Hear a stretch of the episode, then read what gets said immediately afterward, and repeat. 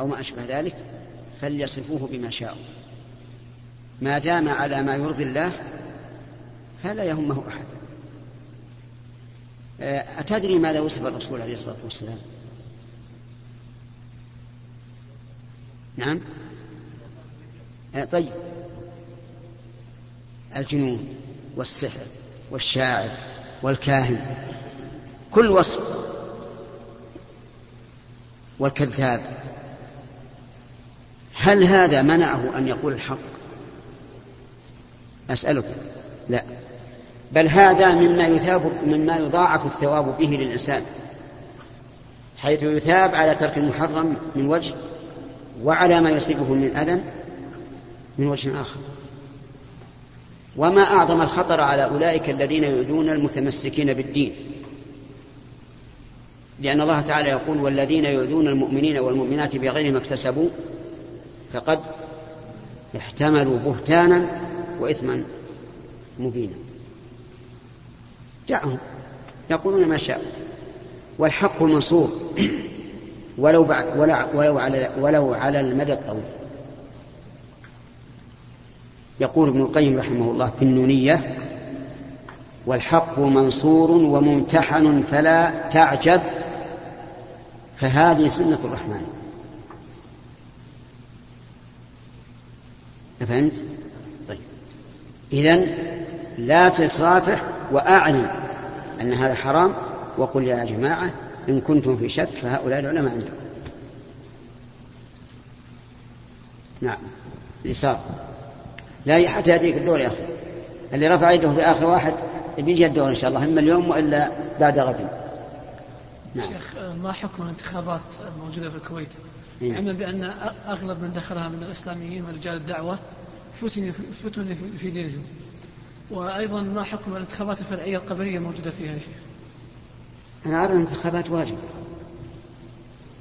يجب أن نعين من نرى أن فيها خيرا. لأنه إذا تقاعس أهل الخير من يحل محله؟ أجب. إذا تقاعس أهل الخير من يحل محله؟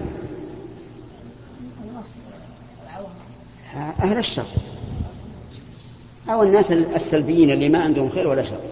أتباع كل نعم فلا بد أن, أن, أن نختار من نراه صالحا. فإذا قال قائل اخترنا واحدا لكن أغلب المجلس على خلاف ذلك نقول ما خالف. هذا الواحد إذا جعل الله فيه بركة وألقى كلمة الحق في هذا المجلس سيكون لها تأثير. سيكون لها تأثير ولا بد لكن اللي ينقصنا الصدق مع الله. نعتمد على الأمور المادية الحسية ولا ننظر إلى كلمة الله عز وجل. ماذا تقول في موسى عليه السلام لما وعده فرعون؟ أو طلب منه موعدا ليأتي بالسحرة كلهم. وعده موسى ضحى يوم الزينة. يوم الزينة هو يوم العيد لأن الناس يتزينون في العيد. ضحى في رابعة النهار ما هو في الليل. في رابعة النهار تخفى, تخفى الأمور أو تبين. تبين. مكان سوى مستوي. ما فيها الشار ولا فيه عطمات ولا شيء. اجتمع العالم. فقال لهم موسى عليه الصلاة والسلام ويلكم. لا تفتروا على الله كذبا فيسحتكم بعذاب وقد خاب من افترى كلمة واحدة صارت قنبلة. قال الله عز وجل فتنازعوا أمرهم بينهم. شوف ألفا دالة على الترتيب والتعقيب والسببية. من يوم قال الكلمة هذه؟ تنازعوا أمرهم بينهم. وإذا تنازع الناس فهو الفشل كما قال عز وجل ولا تنازعوا فتفشل. تنازعوا أمرهم بينهم وأسروا النجوى. والنتيجة أن هؤلاء السحرة الذين جاءوا ليضادوا موسى صاروا صاروا معه. ألقوا سجدا لله وأعلنوا آمنا برب هارون وموسى. وفرعون أمامه. أثرت كلمة الحق أثرت من واحد. أمام أمة عظيمة. زعيمها أعتى واحد. فأقول حتى لو فرض أن مجلس البرلمان ليس فيه إلا عدد قليل من أهل, أهل, أهل الحق والصواب سينفعون. لكن بس عليهم أن يصدقوا الله عز وجل. أما القول بأن البرلمان لا يجوز مشاركة الفاسقين ولا الجلوس معهم نحن نقول نجلس معهم لنوافقهم؟ نجلس معهم لنبين لهم الصواب. أفهمت؟ أقول بعض الإخوان من مثل من أهل العلم قالوا لا تجوز المشاركة لأن هذا يجلس الرجل المستقيم إلى رجل منحرف. هل هذا الرجل المستقيم جلس لينحرف؟ أجب. ليش تستحي أنت ولا ما عندك علم؟ هذا الرجل المستقيم في البرلمان جنبه إنسان منحرف هل جلس هذا الرجل المستقيم إلى جانب إلى جانب المنحرف لينحرف ولا ليقيم المعوج؟ نعم ليقيم المعوج ويعدل المنحرف. إذا لم ينجح هذه المرة نجح في المرة الثانية. كل واحد. أبدا. رشح من ترى أنه خير. توكل نعم تفضل. قال تعالى إن المنافقين في الدرك الأسفل من النار إيش؟ إن المنافقين في الدرك الأسفل من النار المنافقين في الدرك الأسفل من النار إيه. أي نعم. إذا في إذا في خصلة من النفاق. ها؟ إذا في خصلة من النفاق يعتبر في الدرك إيه. الأسفل من النار المنافقين هم الذين أظهروا الإسلام وأبطنوا الكفر. هؤلاء هم الذين في الدرك الأسفل من النار أما من فيه خصلة من النفاق فقد يعفو الله عنه. قد يعفو الله عنه. لأن الله يقول إن الله لا يغفر أن يشرك به ويغفر ما دون ذلك لمن يشاء. فلا يكون في الدرك الأسفل من النار ولا في الدرك الأعلى. بعده اليمين. يمين.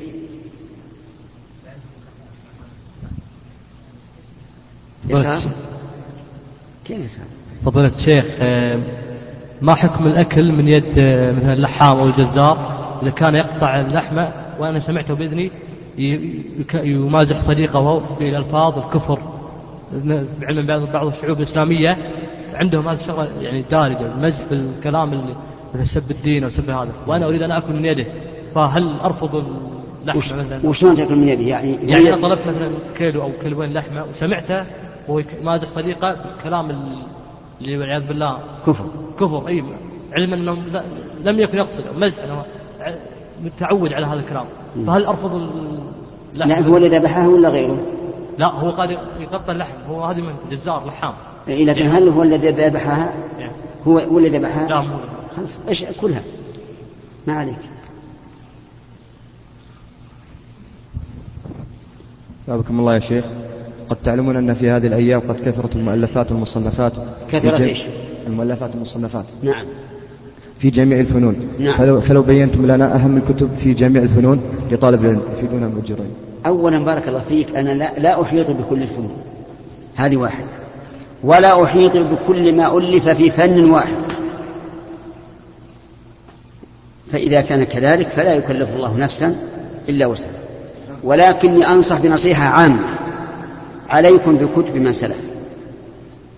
عليكم بكتب من سلف. كتب السابقين. فإنها أبرك وأتقن وصادرة عن عن إيمان وهم غير معصومين. المتأخرون حسب ما رأينا. أكثر علومهم سطحية. ما هناك علم راسخ. ولهذا لو أنك أخرجت هذا الدكتور العظيم اللي دكتور رقم ألف واثنين ومئة وألف كبير جدا. لو أخرجته عن مساره وقع وقع. هؤلاء سطحيون. أكثر ما يكتبون نقول وقد تكون غير محررة أو محرفة أيضا من الأصل لأنهم لا يعرفون المعاني كثيرا. ثم ينقل من هذا ومن هذا ومن هذا ويختلط فوصيتي لطلاب العلم عموما أن أن يأخذوا بكتب السابقين أبرك وأقل تكلف وأقل كلام. المتأخرون تقرأ صفحة أو صفحتين ما تحصل إلا سطرين عهن منفوش. لكن الأو... لكن كتب الأو... لكن كتب الأولين فيها بركة سبحان الله. لأنه ما عندهم تكلف. والنبي عليه الصلاة والسلام يقول هلك المتنطعون. أحيانا نجد رسائل مثل جامعية يكتب النقاش بين العلماء ثم يقول استدل الأولون بكذا وكذا ويسرد. استدل الثانون بكذا وكذا ويسرد. بينما تجد هذه المناقشة التي صارت بعشر ورقات تجدها في ورقتين فقط عند السابقين كصاحب المغني وشرح المهذب وغيره. فنصيحتي لإخواني طلبة العلم أن يعتنوا بكتب السابقين نعم. ها؟ الفقه يعني ناخذ أي كتاب؟ يعني مثل المغني لابن قدامة شرح المهذب للنووي. هذا اللي اللي أعرفه. يمكن في عاد كتب أخرى ما عنها شيخ ما حكم الذي يصلي صلاة الجمعة فقط؟ ليش ما يصلي الجمعة؟ عادة عادة. إذا هذا الرجل لا يعتقد أن الصلاة عبادة. ولهذا يصلي الجمعة عادة لأنه يتلبس ويتزين ويتطيب ويذهب. أنا وإن كنت أرى أنه لا لا يكفر إلا من ترك الصلاة نهائيا أشك في إسلام هذا الرجل. لأن هذا الرجل إنما اتخذ صلاة الجمعة عيدا فقط. يتجمل ويذهب للناس وهو متطيب ومتجمل فقط. فأنا أشك في كون هذا باقيا على الإسلام. أما على ما رآه شيخنا عبد العزيز فهو إيش؟ كافر. ولا وانتهى أمره. نعم. يا شيخ إني أحبك في الله. أحبك الله الذي أحببتنا فيه. آه، نحن وأسأل الله أن يجعلنا وإياكم ممن تحابوا في الله. نعم. نحن في مدينة حفر الباطن المدينة العسكرية نفتقر إلى الدروس العلمية. نعم. نرغب من سماحتكم التوجيه. الآن والحمد لله ما لأحد عذر يا أخي. الأشرطة تسير مسار الليل والنهار. نعم. يمكن للإنسان أن يتخذ عالما من العلماء يثق به ويستمع أشرطته وكأنه جالس عنده. فأشير عليكم أنكم تكون اللي تختارون من العلماء تأخ- تأخذون أشرطته وتمشون عليه ولا يكلف الله نفسا إلا وسعها. أما قلة العلماء فنشكو إلى الله عز وجل. العلماء قليلون في كل مكان. حتى ال- ال- المدن الكبار الآن ما فيها ال- الذي يكفي. تحتاج إلى عدد من العلماء. لكن نسأل الله عز وجل أن يجعل فيهم البركة. والحمد لله الآن اتسعت الأمور. في, في هذه آه، الأشرطة. وأيضا بدأ الناس أخيرا يطلبون الاتصال عبر الهاتف محاضرات أو لقاءات وما أشبه ذلك. وصار فيها خير كثير. ممكن تطلبون من أحد العلماء الذي تثقون بهم ويرتبون لكم مثلا لقاء شهري أو أسبوعي أو نصف شهري ويكون في خير. نعم. فضيلة الشيخ عندنا في بعض القرى عندما يريد الشخص أن يتزوج يعطي الزوج ورقة فيها احتياج الزوج من ذهب وغيره. ف وعند عقد الملكة أو القران يعني يقول الأب حق البنت مثلا عشرة آلاف ريال. إيش؟ يقول حق البنت هم عامية إيه؟ فما أدري هذا الحق هل هو يعتبر الصداق أو الصداق يكفي الذهب؟ الصداق كل ما قدم للمرأة من أجل التزوج بها. هذا هذا القاعدة والعشر كما أهدي لها من قبل هو من الصدقة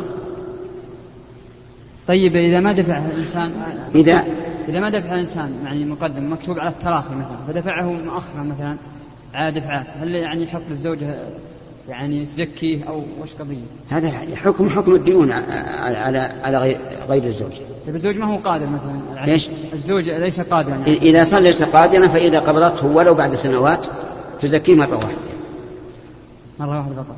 نعم. إلا إن قبضته قبل تمام السنة فتنتظر حتى تنتهي السنة. يعني مثلا زوجها أصدقها عشرة آلاف ريال. بعد ستة أشهر أعطاها العشرة. لا تجب عليها الزكاة حتى تتم السنة من العقد. جزاك الله نعم. شيخ جزاك الله خير وحشرنا وإياكم مع عباد الله الصالحين. آمين آمين. آه، في سؤال من ناحية كبار السن. من الشياب آه، والعجائز كبار السن. هي الشياب والعجائز إيه من البدو. نعم. آه، لا قروا آيات ويضيعون آية ويجيبون آية ويألفون ويحطون كلمة ويحطون من عندهم ولا تكلمهم يعني يعاندونك مثلا أنا عندي يعني شخص شايب حاط صور صور كبار سور أوادم أوادم إيه. مم. أجيها أقول له فيأخذ باب يعني إننا صغير وكذا وما يجوز الكلام هذا. وياخذ من ناحية الجهل يعني مو يعني ما عنده علم فيها. إيه. وش يقول؟ شنو شنو حكم يعني هذول؟ اللي يعني يخلي صور صور ما ما أدري. معلقين ما أدري ها؟ ما أدري إيش حكمه. وأقول أنا يعني ياخذ من باب إني قاعد يعني آه، شيء بارك الله فيك. تعليق الصور حرام. والشايب اللي ما يعرف عنها شيء. أيا كان. الشايب قل له يا أبوي هذا حرام. يبي يقول وش أنت؟ توك طالع على الدنيا. أنت صغير. قل إبراهيم دون من أبوه ولا لا؟ إبراهيم الخليل. دون أبوه ولا ولا أبوه دون منه أسألك. ها؟ أبوه أصغر. إذا كان إذا كان إبراهيم عليه السلام أصغر من أبيه واضح ينصحه ويقول له يا أبت إني قد جاءني من العلم ما لم يأتك. شوف الأسلوب الرفيع. ما قال يا أبت إنك جاهل. لو قال إنك جاهل خلاص ما يقبل منه صرف ولا عدل. قال قد جاءني من العلم ما لم يأتك. يعني أنت عالم لكن أنا أعلم منك. ودعاه. فقل لأبيك يا أبت هذا إبراهيم الخليل دعا أباه وهو دون دون منه الأب الابن دون منه وأنا إذا شئت قل كذا إذا شئت. اسأل أي إنسان من العلماء الذين يوثق بهم. عرفت؟ وإلا أرسل أرسلني بكتاب له يجيب عليه بالخط. ما يقول قل اعوذ بالناس أعوذ برب الناس ملك الناس ما يقول إله الناس على طول يكمل. ويقرأ غلط إيه ما يخالف مو بلازم الوقوف على كل آية ما دام يقول قل أعوذ برب الناس ملك الناس ها؟ ها؟ ها؟ يعني يصلون كذا بس ماخذينها غلط يعني والله يا أخي نرى أن الله يقول اتقوا الله ما استطعتم. أنتم علموهم. وش تبرد ذمتكم. يعني عليهم شيء هم ولا؟ لا ما عليهم. ما دام هذه قدرتهم ما عليهم. جزاك الله خير. فضيلة الشيخ. لكن أنتم علموهم علموهم. إن شاء الله. جزاك الله خير. نعم. على اليسار. أنسى. فضيلة الشيخ هل الطهارة هل الطهارة في الطواف واجبة؟ إذا كان هناك زحام شديد؟ أكثر العلماء على أنها واجبة وأن الإنسان إذا طاف محدثا فلا طواف له. وإذا أحدث في أثناء الطواف وجب عليه الخروج. لكن يرى شيخ الإسلام ابن تيمية رحمه الله أنه أنها ليست واجبة. أن أن الطواف على طهارة أكمل وأفضل ولكن ليس ليست بواجبة. ولا شك أن كلام شيخ الإسلام في الوقت الحاضر في أيام الزحام هو الأنسب لأنه أحيانا في طواف الإفاضة في الحج يحدث الإنسان رجلا كان أو امرأة في أثناء الطواف. على رأي جمهور العلماء يجب أن يخرج من الطواف ويروح على رأي الشيخ رحمه الله يقول لا يستمر في طوافه يكمل ولا عليه. ولا شك أن هذا القول أرفق بالناس. لأنه ما في دليل على على أن الطواف لابد فيه من الوضوء. ما في دليل. الوضوء للصلاة إذا قمتم إلى الصلاة فأصلوا وضوءكم. فعلى رأي الشيخ رحمه الله يستمر ويكمل ولا عليه وهذا الذي نراه ونفتي به. على رأي الجمهور إذا قلنا يلا رح اذهب توضأ وش اللي طلع من الزحام؟ أولا إذا طلع من الزحام وش اللي يمكنه من الوضوء لأن الحمامات كلها إيش؟ مزحومة. مو تقدر الناس. إذا قدر أنه توضأ ثم رجع يطوف وأحدث نقول اذهب ثانيا. وكل ما رجع وأحدث قلنا اذهب ثالثا. مشقة هذا وهذا وارد في أيام الزحام. كثير من الناس ما يتحمل الزحام إطلاقا. ويصيبه الحدث إما قطرة من بوله تخرج وإما ريح. نعم. فنحن نقول فتوانا أن الأفضل بلا شك أن يطوف على طهارة لأنه إذا طاف سوف يصلي ركعتين بعد بعد الطواف وهذا لا بد من أن يكون فيه طهارة الركعتين. لكن في حال المشقة نرى أنه لا بأس أن يطوف على غير طهارة. شيخ أحسن الله إليكم ونفع كذلك لو جاءنا إنسان وأخبرنا أنه طاف على غير غير طهارة ما نقول هل في مشقة أو ما فيه نقول خلاص الطواف صحيح. نعم. شيخ أحسن الله إليكم ونفع بكم. هل ترون حفظ متن من متون الفقه؟ ضروري لطالب من؟ من متون الفقه مختصرة كالزاد أو الدليل مهم لطالب العلم أو أنها ومن رد على من يقول أنه يكفيه حفظ متن من أحاديث أدلة الأحكام كالبلوغ أو المنتقى والله أرى أن الخير كل الخير أن يجمع بين هذا وهذا. بين الأحاديث وبين كلام الفقهاء ويحفظ. لأن العلم بالحفظ. ونحن ما ما استفدنا إلا بما حفظنا. الحفظ كنز. متى شاء الإنسان مد يده إليه. ولا تغتر بقول من يقول عليك بالفهم دون الحفظ فإن هذا غلط. عليك بالحفظ. الحفظ يبقى. أي وقت تستع... تريد استحضاره تجد.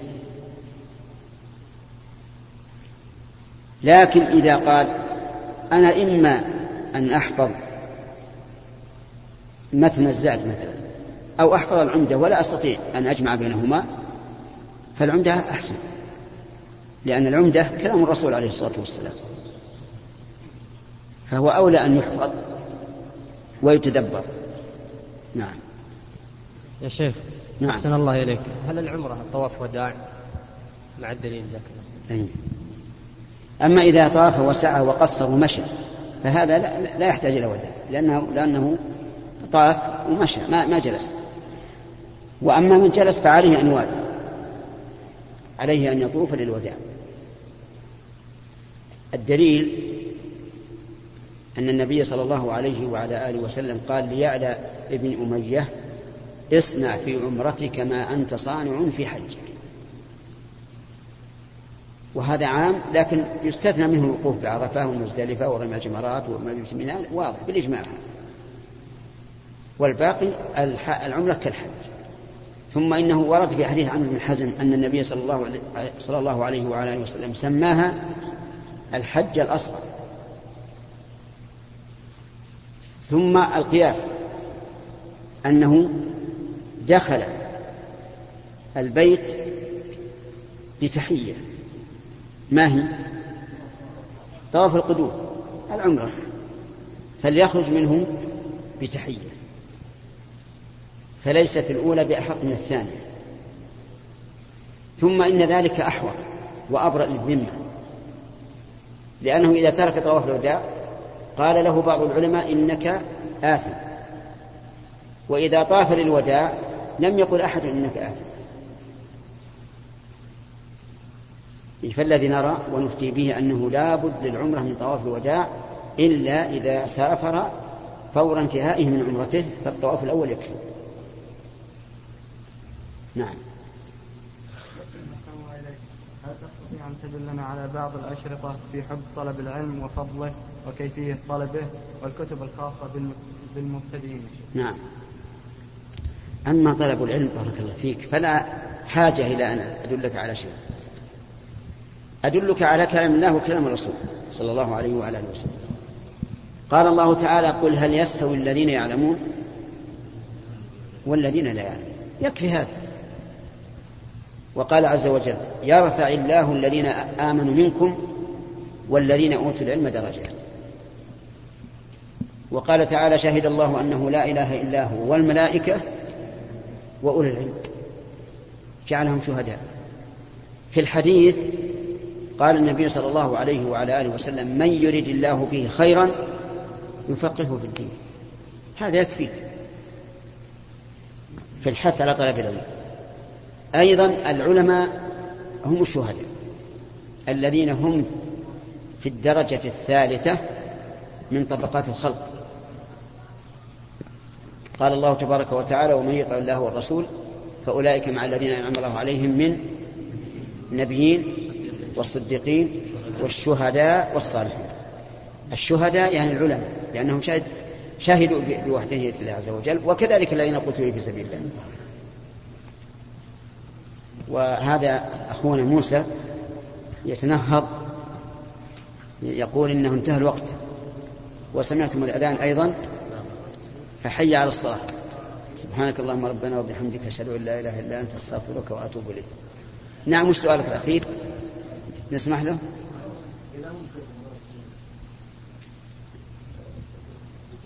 امشي في إنسان آه، ولكنه يقوم بجميع الفرائض من الصلاة الصوم وحتى صلاة الليل ويقوم بجميع الواجبات المطلوبة من الله سبحانه وتعالى. الحمد لله. آه، فما ترى في ذلك يعني؟ فما؟ إيش ترى في ذلك؟ أنا أنه مصر على معصية والله عز وجل يقول ولم يصروا على ما فعلوا وهم يعلمون فعليه أن يقوى أن يقوى نفسه وأن يكون شجاعا في ترك هذا الدخان. إن تيسر أن يتركه مرة واحدة فهذا واقع وحاصل وكم من الناس فعلوا هذا. وإن لم يستطع فبالتدريج. وإذا علم الله من نيته أنه صادق عازم أعانه الله عز وجل. وأما أعماله الأخرى الصالحة فلا شك أنه ينال بها درجات ويرجى له في ويرجى له خير إن شاء الله نعم.